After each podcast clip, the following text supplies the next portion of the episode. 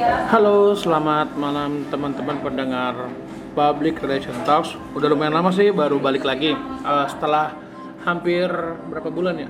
Tiga bulan, tiga bulanan lebih setelah eh, di episode terakhir ngobrol-ngobrol sama Ma- Mas Sobri dari uh, Pukaris Pet. Nah, sekarang tuh eh, ini dari kemarin kan dari GPR, habis gua bahas sama GPR, akhirnya bahas sama eh, PR practitioner lagi. Nah, kali ini eh, aku sih pengennya sih ngobrol-ngobrol dari sisi yang berbeda dari teman mahasiswa nih.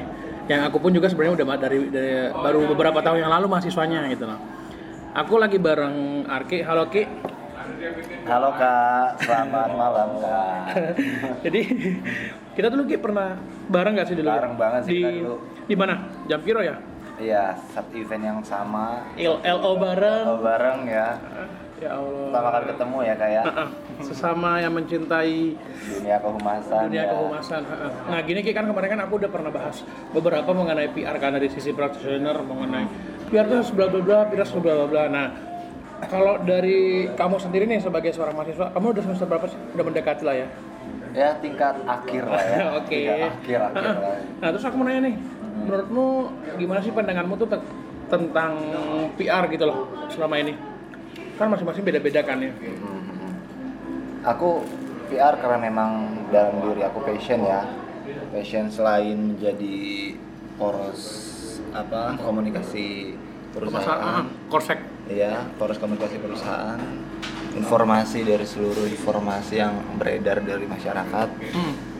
Ya, PR sebagai garda terdepan lah intinya. Oh, penyambung lidah lah ya. penyambung lidah. Nah, agak masih bahasanya masih bahasa Bahasa- material. bahasa materi lah ya.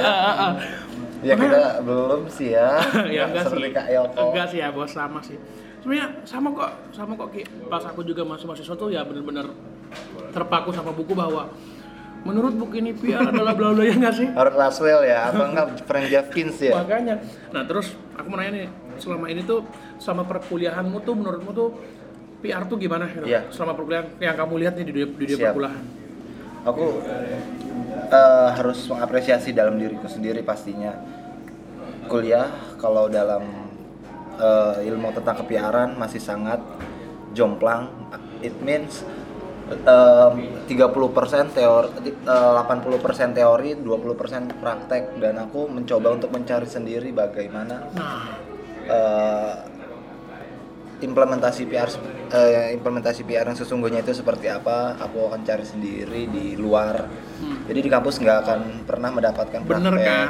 Jadi kayak nggak terlalu dapat maksudnya yang hampir sama yang hampir dirasakan oleh semua mahasiswa PR tuh kayak di kampus tuh bener-bener materi materi materi tapi bener banget kak paling paling prakteknya seberapa sih gitu iya hanya sedikit lah Ya Jadi, emang sih kita bukan vokasi gitu kan. Tapi kan maksudnya gini loh, eh, walaupun S1, kamu ngerasa nggak sih? Kadang sih ngerasa kayak kita tuh bukunya buku internasional, Eh, apa eh, toko-toko dari internasional nih, yang dikasih sama dosen internasional. Tapi di dunia kerja atau di dunia nyata sebenarnya tuh jom berbeda banget, ya nggak sih? bener kak yang aku heran kenapa setiap kurikulum dari setiap tahunnya kenapa nggak berganti gitu ya Makanya kamu kayak ngerasa ada kadang kayak eh, oke eh, yang gue pelajarin ini pas coba-coba nih misalnya kamu coba magang misalkan. Iya. Wih kok beda banget? Mhm, bener bener Eh, kayak an- aneh aneh aneh aneh Eh, eh, banget sih menurut aku. Kayak nggak relevan gitu sama dunia Hmm. akademisi sama praktisi. Ya harusnya sih ya harus duduk bareng mungkin ya. Makanya. terus ekspektasimu tuh Ah, gimana tuh awal-awal tuh? Ya karena memang aku cinta sama dunia komunikasi kayak aku mungkin belajar dari sedikit teori dari kampus ya sedikit dah itu mungkin.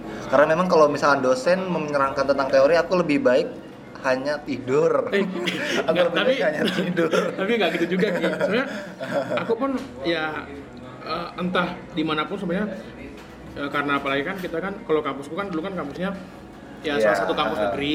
Walaupun dia mungkin fokus awalnya bukan di komunikasi. Maksudnya kan ada kayak misalnya LSPR kan bener-bener benar-benar fokus di LSPR terus concern, ada Stikom yang lain-lain ada apa sekolah yang berbasis benar-benar komunikasi. Kalau di univ-univ yang umum kan kadang kan ya benar-benar ya ya udah bagian jurusan aja gitu loh.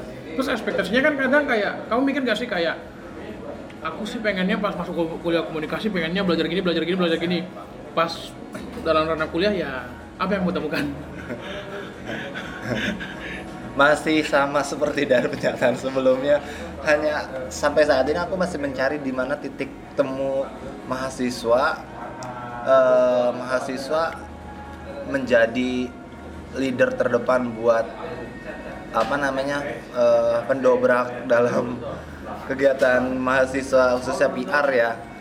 Yang aku dapatkan mungkin aku udah sedikit riset bahwa banyak fresh graduate dalam dunia komunikasi yang masih belum paham tentang apa itu PR, fungsi PR itu seperti apa. Ya mereka hanya mendapatkan teori-teori dari kampus. Dan mungkin dari sini aku cukup beruntung eh, mengapresiasi diri aku sendiri bahwa tidak hanya bisa belajar di dalam kampus saja, harus di luar juga belajar kan. Ca- lu masuk cari- permas juga kan ya sorry motong Masih, nih. masih. Tapi lu masih permas juga kan ya Eh, Format iya muda sih, lah. masih sampai saat ini masih dipercaya sama mereka.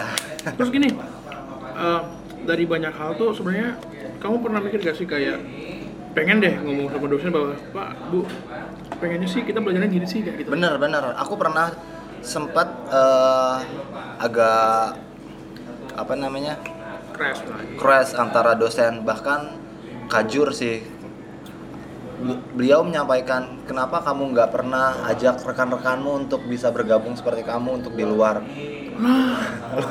saya langsung kecewa dong sama sama pernyataan seperti itu ya kan saya udah sampaikan ke rekan-rekan saya bahwa akan ada Masa. kegiatan iya akan ada masanya di saat kamu eh, masih terus bermain-main di kampus bahwa nanti akan ada masanya kamu akan menyesal ya dan saat-saat ini sih mungkin menyesal bahwa mereka eh, menyepelekan yang saya sampaikan di awal-awal semester bahkan sampai sekarang mereka bingung jati diri mereka seperti apa di PR saat ini gitu. Kadang gitu loh Ki, tapi kamu kamu sendiri tuh dari awal emang kamu termasuk manusia yang eh, memang merencanakan bahwa masuk di komunikasi atau terjun apa ter terjerumus atau gimana? Emang ngerencanain gak sih? eh balik lagi tadi sih kak. Aku emang suka ngobrol atau berkomunikasi Berarti lu dari SMA udah ngerencanain? kalau untuk pemetaan pemetaan konsentrasi saat kuliah aku dulu pengennya di teknik arsitektur sih.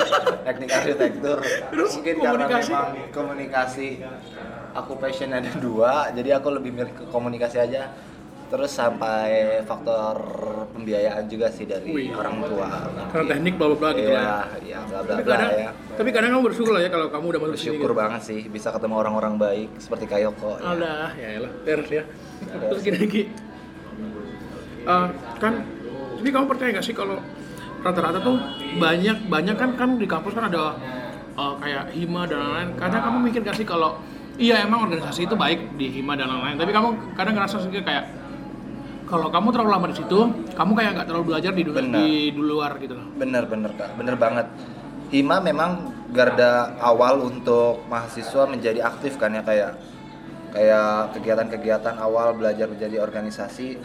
Cuman mereka hanya bersatu fokus pada satu kegiatan yang memang diulang-ulangi saja, tidak membuat program-program yang mendobrak seperti itu. Kayak di kampusku juga, ya rutinitas kegiatannya cuman hanya melaksanakan kegiatan ini ya besok tahun ini ini harus lagi ya ini tahun ini harus ini lagi hanya berbeda tema sih sepertinya cuman dari situ ya memang belajar tapi untuk mencari yang lebih lain mungkin harus dari luar sih Ya, ya, emang, jadi ya. mau nggak mau, mau nggak mau ya kayak harus dari dalam diri pengen. Benar. Aku pun sebenarnya kita tuh sebenarnya tuh hampir ya, mungkin karena emang kita karena kita ketemu di Jampiro juga kan kemarin kan. Jadi kayak terkesan bahwa 2000 berapa itu ya 2000 16 atau 17 ya 17 ya aku 17. lupa. Ah, ya Allah, dua tahun yang lalu. dua tahun yang lalu Jadi itu kayak rasanya kayak gini loh Ki. Eh, emang tuh kan kadang ketika misal udah kuliah nih, ketika lu masuk di hima aku di situ, eh, bisa di hima nih di situ terus akhirnya kan kayak lu merasa nyaman di situ. Hmm. Akhirnya lu nggak keluar. Mhm, Ya ya udah lu di situ aja gitu loh. Akhirnya lu nggak lu nggak belajar terlalu jauh. mhm. Akhirnya lu terjerumus di situ lama nyaman nyaman ketika ada di luar yang bagus nih kamu kayak wah lebih bagus tempat gua nih. Kan gua udah nyaman di sini gitu. Kalau kamu sendiri gimana? Sulit sih ya ini. Kalau di luar sana banyak anak-anak mahasiswa yang pejuang hima sampai melihat yang sering keluar tuh kayak nggak solid kali ya. benar benar benar.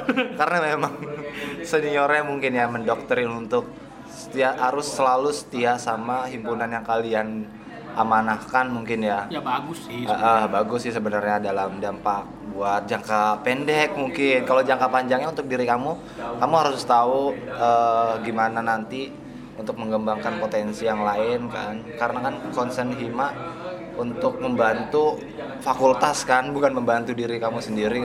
Gitu sih. Hima hima. Tapi gini Ki, eh, dari semua Rana, kamu termasuk orang yang gimana sih kalau melihat eh, PR di kampus tuh? Kayak ya udah sih kampusku kayak gini PR-nya ya udah mau mau oke. ini nggak bisa diubah gitu. siap siap ada memang ada dua ya kayak eh, maksudnya mahasiswa PR dalam mahasiswa PR dalam humas di kampusku juga masih kurang relevan sih kak Dan ini kayaknya mungkin kampus lain juga ngalamin. Hmm, mungkin mungkin ngalamin ya mungkin kampus lain ada studi banding case ataupun visit yang memang terus berkelanjutan dari setiap bulannya. Kalau di kampusku visit itu bisa dihitung jari selama sa- sampai bahkan perkuliahan sampai semester akhir kali ya. Hanya dua atau tiga kali visit baru ada. Terus study case tentang apa itu eh, yang terjadi di lapangan masih sangat minim sih. Masih banyak teori-teori di kampus. Lu percaya nggak sih kalau di tempat gue tuh pas masa masa kuliah masih belajar tentang teori media monitoring yang bener-bener clipping. aku percaya percaya pasti. Pasti Lu, pasti. lu gimana di kampus? kalau di kampusku ya mungkin karena rata-rata dosenku berusia ya Gen X kali ya. Ah, ya mungkin memang memang susah sih ya mudah-mudahan mungkin hanya bisa dihitung jari dua atau tiga orang yang masih bisa Ya, relevan yang lah gua bomber dong.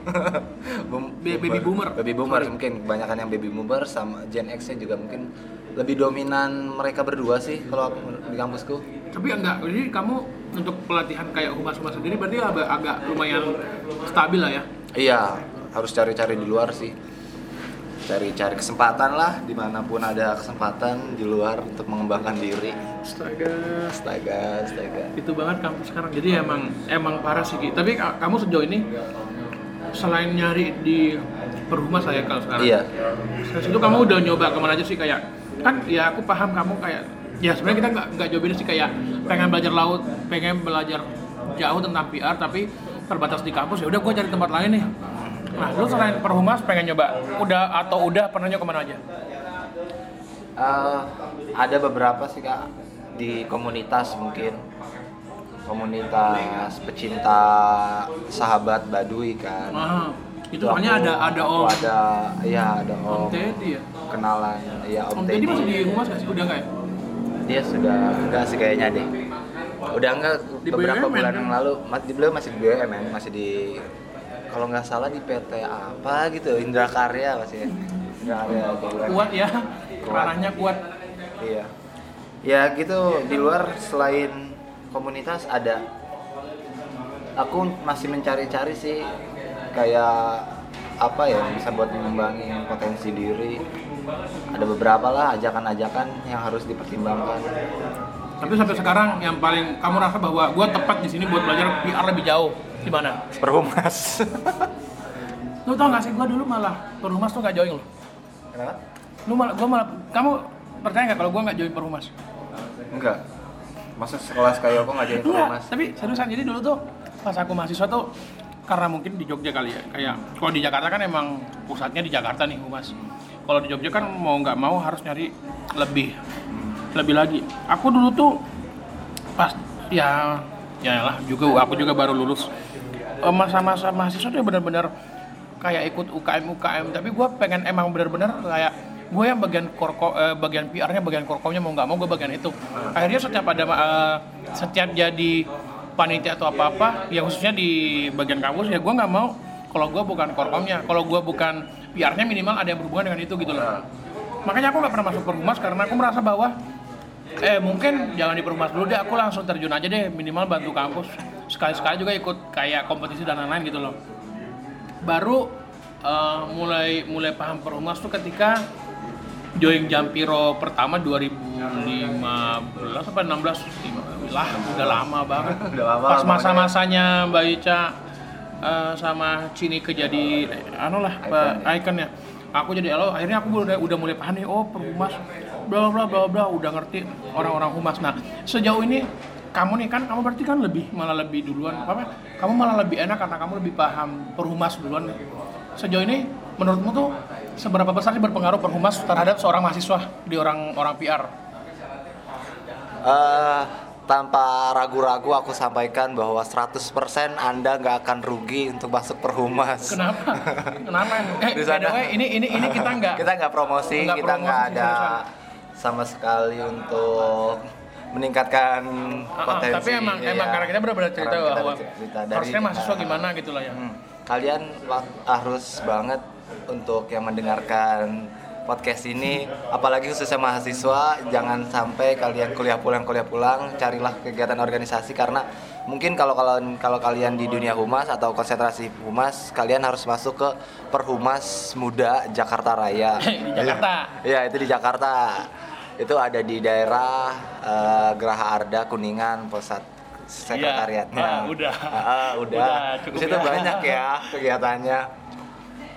cukup ya nggak usah terlalu banyak ya? terus nih gini nah apa sih apa sih yang kamu harapin ketika kamu tuh kayak pengen menjadi seorang PR gitu mahasiswa PR apa yang kamu harapin dari situ Aku yang pertama pasti harus beda dari yang lain karena mungkin aku pernah mengutip dari Om Jojo mungkin ya dari setiap Om Jojo ini di, Om di, Jojo. di endorse nih. Om Jojo eh, Om Jojo pernah bilang setiap semester atau per setiap setahunnya mahasiswa ilmu komunikasi lulus lulus sebanyak 200.000 ribu mahasiswa dan saingan kita dari 200.000 ribu itu apa yang kamu punya lebih dari mereka kan? Wow langsung tuh aku langsung mikir aduh bener juga ya. Apa ini ya? Langsung kayak iya takut gitu ya. Apa ini ya? Maksudnya dunia semakin kencang dengan sekarang kan mungkin di bonus demografi lebih demografi lebih banyak kan? Indonesia lagi tinggi tingginya pun apa pusat untuk eh, usia produktif kan ya gitu sih kak. Aku harus mencari jati diri apa yang berbeda dari yang lain sih gitu. nah terus dari ranah gini nih. Dari sisi praktisi kan kamu kan udah ngeliat nih pendidikan ya benar-benar emang udah harusnya udah harusnya ada perubahan mengenai kurikulum nih. Minimal minimal kita nggak terlalu banyak membahas tentang PR di luar. Mengambil mengambil PR di dalam sini. Nah terus menurutmu harusnya tuh seorang praktisi misalnya dari praktisi beberapa praktisi di perusahaan ini harusnya dia tuh gimana sih terhadap pendidikan PR sekarang mungkin eh, dari sisi kayak aku pengennya aku pengen sih orang-orang praktisi gini deh ke kami biar kami tuh bisa paham gitu Ah, paham paham. Aku sih pengennya eh, praktisi khususnya buat praktisi-praktisi yang memang udah ternama ya di Indonesia ya. Eh, mereka lebih aware lagi ke mahasiswa mungkin karena mungkin ada banyak banget ya praktisi yang memang eh, udah turun lagi ke kampusnya masing-masing. Harus untuk harus lebih percaya sih sama generasi PR selanjutnya karena memang praktisi eh, tempat tempat di mana buat para praktisi muda menimbulkan apa potensinya kan Iya intinya praktisi harus bisa back to kampus ke mereka entah itu ke alma maternya ataupun ke berbagai nusan kampus nusantara lah ya memberikan apa insight buat para mahasiswa. Eh, dunia PR tuh sekarang udah berubah loh ya gitu. Maksudnya nggak cuman hanya dunia PR yang konvensional sekarang menjadi yang era-era serba digital gitu. Jadi mereka PR muda harus tahu perubahannya itu jangan sampai nanti setelah fresh graduate mereka kaku terhadap perkembangan yang mereka terima melalui teori-teori di kampus. atau enggak minimal gini ya kampus ada kerjasama minimal. Benar. Eh, kayak apa ikatan alumni dan lain-lain. Soalnya kita nggak tahu loh yang udah lulus di situ sekarang jadi apa di dunia PR Bener.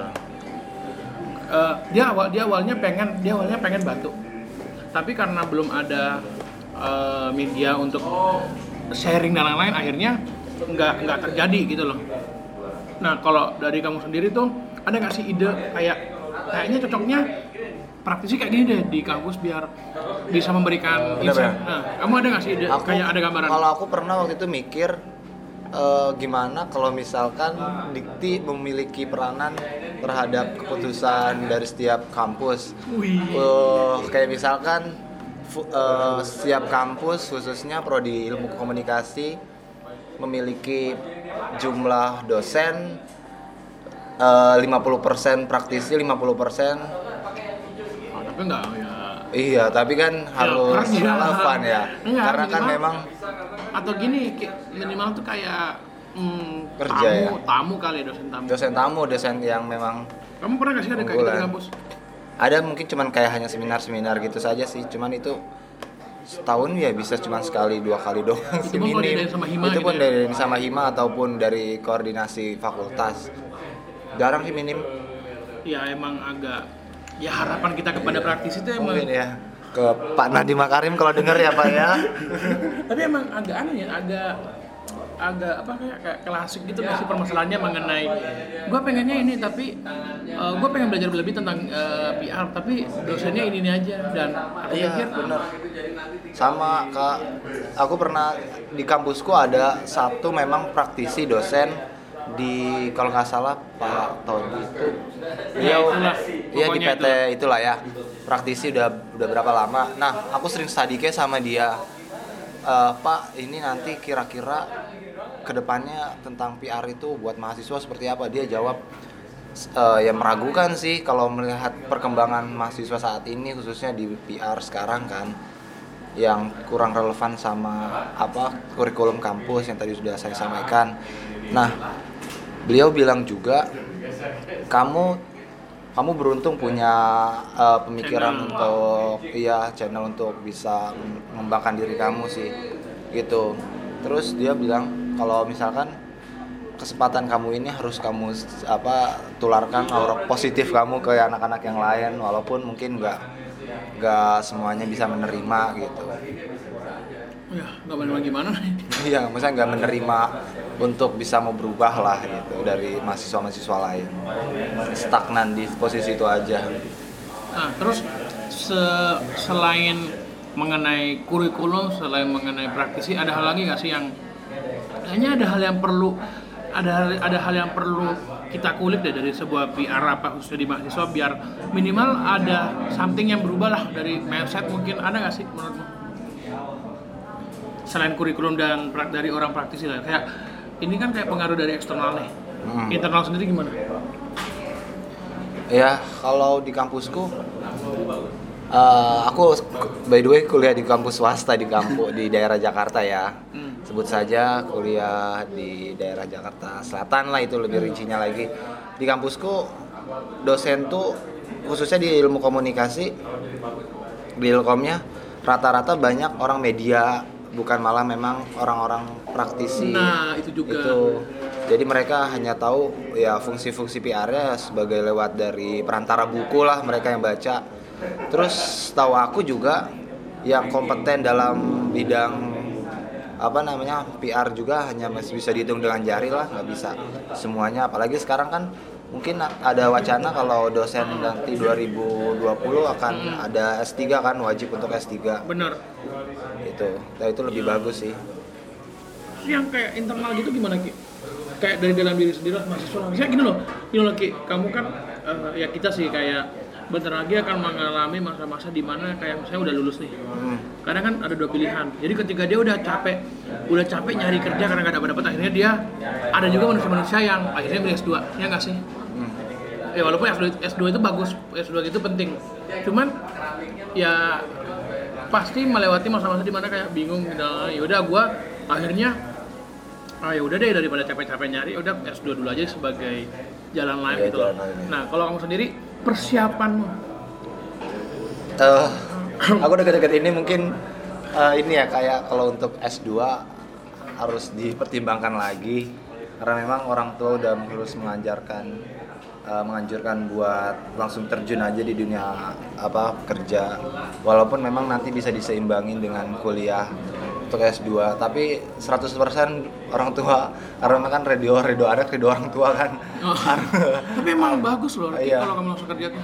harus langsung kerja sih kak gitu. Jadi ya kayak gini loh. Biar mungkin cari batu loncatan. ah, ah, kayak mungkin yang belum yang belum saya yang masih bingung antara kerja atau eh, kerja atau lanjut kuliah. Sebenarnya tuh gini loh, ketika kamu kamu kan kalau kamu habis S1, kalau kamu emang benar-benar mau masuk sebagai seorang praktisi, mau nggak mau kamu kamu harus paham eh, lapangan. lapangan Ah, kalau kamu ingin menjadi seorang eh, dosen atau seorang ya masuk di, di ranah research edukasi, bahkan research pun harus harus masuk lapangan. iya Kalau kamu pengennya dosen ya jalanmu harusnya masuknya ke eh, ranah eh, eh, akademisi, walaupun nanti mau nggak mau kamu juga harus ada pengalaman lapangan agar di kuliahan kamu tetap terkesan lebih matang gitu loh. Nah, berarti sampai saat ini persiapanmu udah tahap kayak yaudah lu udah mau skripsi dan kayak sertifikasi dan lain-lain lah ya. Iya, pasti. Sertifikasi itu penting sih menurut aku. Nah, eh, ada apa namanya sertifikasi ini mungkin aku udah izin ke dosen aku dan satu tanggapan dari mungkin dari kajur aku bahwa ya silakan saja sana sertifikasi cuman memang yang aku dapatkan ya hanya respon-respon yang Ya, biasa, lah, saja biasa, gitu lah nggak wah hebat ya Wah kamu, hebat Ki. iya iya. Cuman nggak nggak nggak nggak nggak minta untuk diwawin gitu lah ya sama kajur atau sekelas kajur gitu. Cuman kajur Iya. harus membuka pintu lah, membuka pintu bahwa Ini penting gitu loh. nah, ini penting loh buat nanti apa pegangan dari para fresh graduate khususnya gitu. Kamu tau nggak? Aku pun juga kemarin sebelum lulus pun aku udah eh bukan sih bukan sebelum lulus. Jadi aku pas mau lulus itu tuh sertifikasi juga beda junior PR. Iya. Persis yang sama yang kamu ambil. Karena sekarang tuh ada yang gratis juga kan dari Kominfo. Iya, aku dari Kominfo. Makanya jadi kayak udah terbuka lebar nih. Ya kecuali besok kalau kamu udah jadi praktisi. Mau nggak mau harus misalnya ambil Naikkan ambil sek- iya, dari skema lah ya. LSP gitu lah ya, lembaga sertifikasi. Tapi emang emang mahasiswa tuh sekarang tuh mau nggak mau secara dunia Harus kerja punya. ya harus punya hitam di putih Iya, gitu loh. Iya benar. Iya bener kak itu bener banget sih. Bener banget dah. Kadang memang itu sebagai kekuatan utama lah ya yang diakui sama negara karena kan LSP kan eh, diakui sama negara kan diakui sama maksudnya kompeten lah dalam dalam bidangnya. Yang beda dari yang lain itulah kuncinya mungkin jawaban selama eh, ini kali ya mahasiswa harus memiliki yang berkompeten entah itu dalam bidang ranah lain entah itu dalam profesi entah itu dalam apa kegiatan kegiatannya sertifikasi menurut aku sangat penting banget sih ya Penting sih. Jadi penting banget Jadi eh, lebih ibaratnya kayak gini loh kalau kita ngomongin dari tadi kan ya. Sebenarnya sih pendidikan di Indonesia itu eh, nggak nggak jelek-jelek amat. Iya. Khususnya di PR. Cuma ya ada beberapa hal, misalnya pendidikan di kampus nggak nggak sekeren kayak ketika kamu masuk komunikasi, kamu nggak bakal bisa dapat full di situ. Mau nggak mau kamu harus nyari di luar. Meskipun di Hima ada, itu pun hanya sekitar kulit-kulitnya doang karena dia lebih ke arah organisasi untuk ngelola duit kampus doang. Mau nggak mau kamu harus bergabung di eh, layaknya kayak kamu harus bergabung di organisasi yang berhubungan dengan eh, PR langsung. Misalnya kalau di komunikasi ya perhumas untuk PR, perhumas muda lah ya. Terus yang kedua kalau dari segi praktisi ya kita nggak ma- mau nggak mau harus melebarkan sayap untuk mendapatkan eh, networking kan. Jadi sebisa mungkin dengan mendapatkan kon- koneksi di praktisi PR, kita bisa mendapatkan banyak insight. Terlebih kalau kampus mendukung untuk adanya eh, kerjasama antara praktisi-praktisi ya khususnya kayak alumni untuk bisa ada kayak kelas-kelas sharing, biar kita ada gambaran kan. Sama yang eh, eh, ranahnya kayak ya kalau dari internal udah mulai masuk ke kayak persiapan diri sendiri kayak ya yang tadi kamu bilang bikin bikin apa namanya eh, ikut sertifikasi dan lain-lain terus nih eh, Ki yang dari berbagai macam ini menurutmu apa sih harapanmu sejauh ini ter- eh, terhadap dunia PR Eh, aku selalu ingat ya praktisi pernah bilang semua orang itu bisa menjadi PR kan Nah. semua orang itu PR bahkan kan ya. security aja bisa jadi PR kan Nah. Bahkan Orang eh, SH. orang SH iyalah cuman PR itu nggak bisa menjadi dokter kan Nah, kita Orang- terbatas. Iya kita terbatas karena memang eh, lingkup li- li- lingkup ilmu kita ya hanya sebatas komunikasi dengan satu arah atau two-ways communication kan. Cuman meng- memang kita nggak spesifik untuk belajar mengenai bedah otonomi tubuh kan. Enggak, enggak, itu enggak. beda kan. Itu bukan bahasa untuk untuk orang komunikasi. Nah harapan aku mungkin eh bahwa banyak orang di luar sana yang memang berjuang buat kesuksesannya masing-masing kan ya kak. Eh, terus mereka mencari jati dirinya untuk eh, menjadi profesi yang diunggulkan. Mereka harus beda dari yang lain sih yang tadi sebelumnya. Mereka harus berpikir dua kali di eh, berpikir dua kali dua kali langkah dari teman-temannya yang memang satu langkah di belakang dia sih. Entah itu kalian mengerjakan sesuatu sesuatu yang belum ada hasil ya nggak apa-apa kalian apa tumbuhkan lagi semangat terus.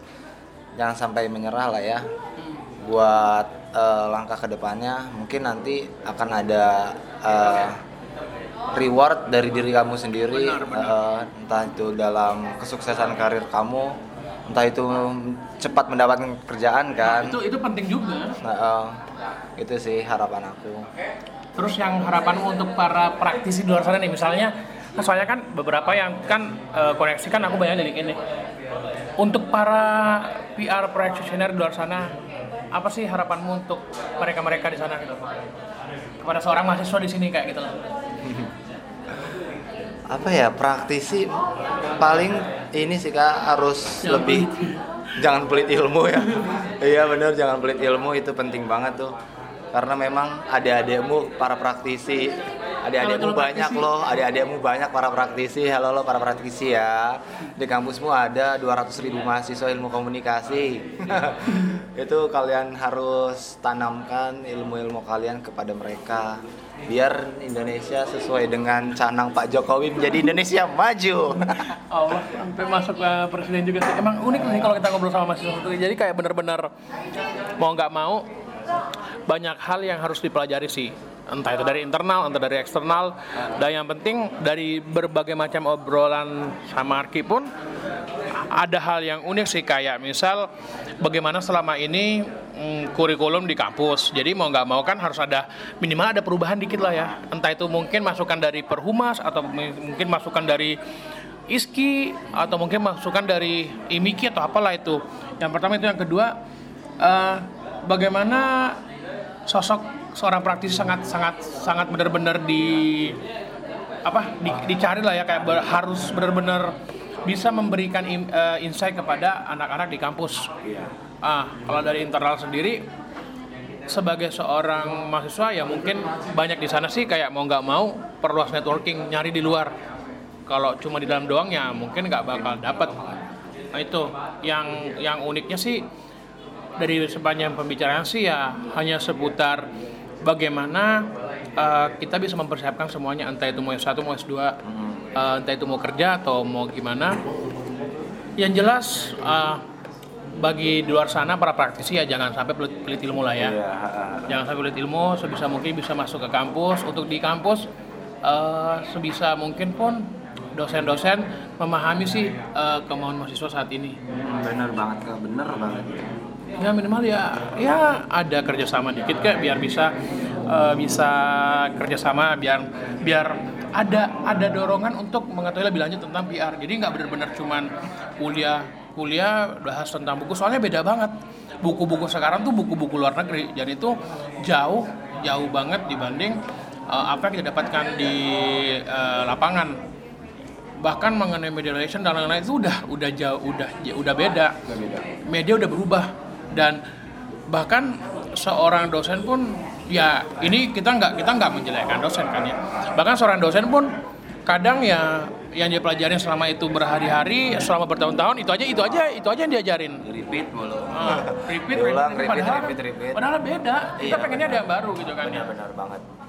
Repeat repeat repeat dan sampai UTS pun harus di repeat kembali ya kan ya harus lebih banyak study case sih di setiap lingkungan kampus entah itu dalam kasus case yang lama atau case yang baru entah itu dalam case yang yang sifatnya skala kecil atau skala besar ya memang dosen itu harus tahu bahwa apa studi lingkup case yang besar itu nggak cuman hanya teori yang diajarkan dampaknya seperti apa buat lingkungan dosen pun harus tahu gitu. karena memang praktisi itu harus lebih diperbanyak lah di lingkungan kampus. Jadi para praktisi mohon untuk turun gunung lah ya. Ya, ini benar. ini bukan masalah bukan masalah bukan masalah berapa berapa dana yang akan kamu keluarkan, tapi lebih kayak siapa sih yang bakal ngelanjutin kamu? Iya. Kamu bakal dapat misalnya nih kamu se- seorang eh, head of korkom nih. Iya. Kamu bak- kamu bakal dapat karyawan yang tepat dari mana? Gitu loh. Mau nggak mau kamu dapatnya dari anak-anak sekarang. Jadi sebisa mungkin ya turun gunung lah memberikan informasi dikit-dikit, insight dikit-dikit sehingga apa ke depannya bisa saling bantu lah, bisa bisa membangun dunia PR lebih baik lah di Indonesia. Iya. Emang emang menarik sih orang tentang PR, gak ada habisnya sih. Ki. ada habisnya benar sih. Kak. Selalu berubah ya. Oke sih, Ki. sebenarnya udah udah cukup banyak, udah cukup banyak. sih. Ini pun juga udah 30 menitan lebih sih. Wih, Kita banyak ya. Makanya gak kerasa Lama sih. ya, nggak kerasa ya. Makanya ya semoga sih eh, pendengar podcast di PR Talks ini bisa bisa mendapatkan beberapa hal lah. Jadi yang khususnya mahasiswa udah dari sekarang bergeraklah untuk mencari mencari informasi di luar. Jangan selalu jangan selalu menuntut diri eh, di kampus. Kalau nggak terpenuhi ya kamu nggak bisa menyalahkan kampus karena kurikulum saat ini kayak gitu. Ya, benar. Ah, itu untuk para mahasiswa sih. Mau nggak mau harus cari di luar. Eh, tentukan tentukan passion, tentukan jati diri. Bagi para praktisi ya, tolong untuk turun gunung, ya. turun gunung. Turun gunung yang penting sih. Eh, sebisa mungkin, pelit-pelit ya. bener. Terus yang di ranah pendidikan pun sebisa mungkin ada kurikulum atau ada kerjasama. Benar. Jadi semuanya sistematisnya jalan. Akhirnya kita bisa jalan bareng nih. Benar-benar. Akhirnya PR-PR baru muncul yang membantu kalian juga para PR-PR yang udah senior. Gitu sih sebenarnya. Udah menarik banget sih sebenarnya obrolan ini banyak banget yang bisa kita dapetin. Ki ada mau disampaikan lagi nggak sebenarnya? Last but not least ya apa ya eh, semangat lah untuk piar-piar muda kalian penerus bangsa kalian akan membentuk citra Siap. Indonesia. Gitu kan sesuai dengan canang Pak Jokowi. ya. Indo apa Indonesia maju ya. Itu praktisi humas eh, nggak akan ada habisnya. Humas nggak akan digantikan sama robot ya. Eh, karena kan robot itu nggak akan bisa punya hati kan kalau kata Pak Agung Laksamana, Laksamana robot nggak robot nggak punya hati karena memang hubungan antara manusia itu dijalin dengan hati kan gitu sih Siap. Mantap banget sih. Eh, thank you banget Ki udah mau ngobrol-ngobrol tentang PR dan ini pun kamu pun merupakan mahasiswa pertama yang gua ajak ngobrol setelah eh, podcast ini muncul. Ini pun masuk episode keempat kalau nggak salah. Masih baru juga sih. Semoga tetap berjalan podcastnya. Amin. Maaf, mungkin kalau teman-teman yang atau pra- praktisi yang misal mungkin mau bagi-bagi eh, info atau mau ngasih ngobrol-ngobrol nyantai, bisa banget, boleh banget misal di yoko.hidayat@gmail.com mungkin kayak yuk kita ngobrol-ngobrol santai. Aku pun sebenarnya kalau bikin podcast gini pun nggak di tempat-tempat yang eh, ribet banget. Sekarang kita di mana Ki? sekarang kita lagi ada di daerah Bilangan Cipete Tempat nah tempatnya ini cozy, cozy banget gelato gitu Makanya jadi kayak ngobrol-ngobrol benar-benar nyantai. Jadi kayak sharing, ngobrol santai. Eh, biar apa ya? Biar kita bisa mengalir. Paling pun ini pun nggak sampai ada skenario panjang-panjang. Yang penting ada garis-garisnya aja. Nggak biar kita obrolannya nggak lebar. Benar. Kayak gitu. Nah kayak gitu semoga pendengar podcast bisa mendapatkan pencerahan eh, mahasiswa, praktisi dan lain-lain. Dan sekian untuk podcast eh, podcast kali ini. Sampai jumpa di podcast selanjutnya. Selamat malam. malam everyone thank you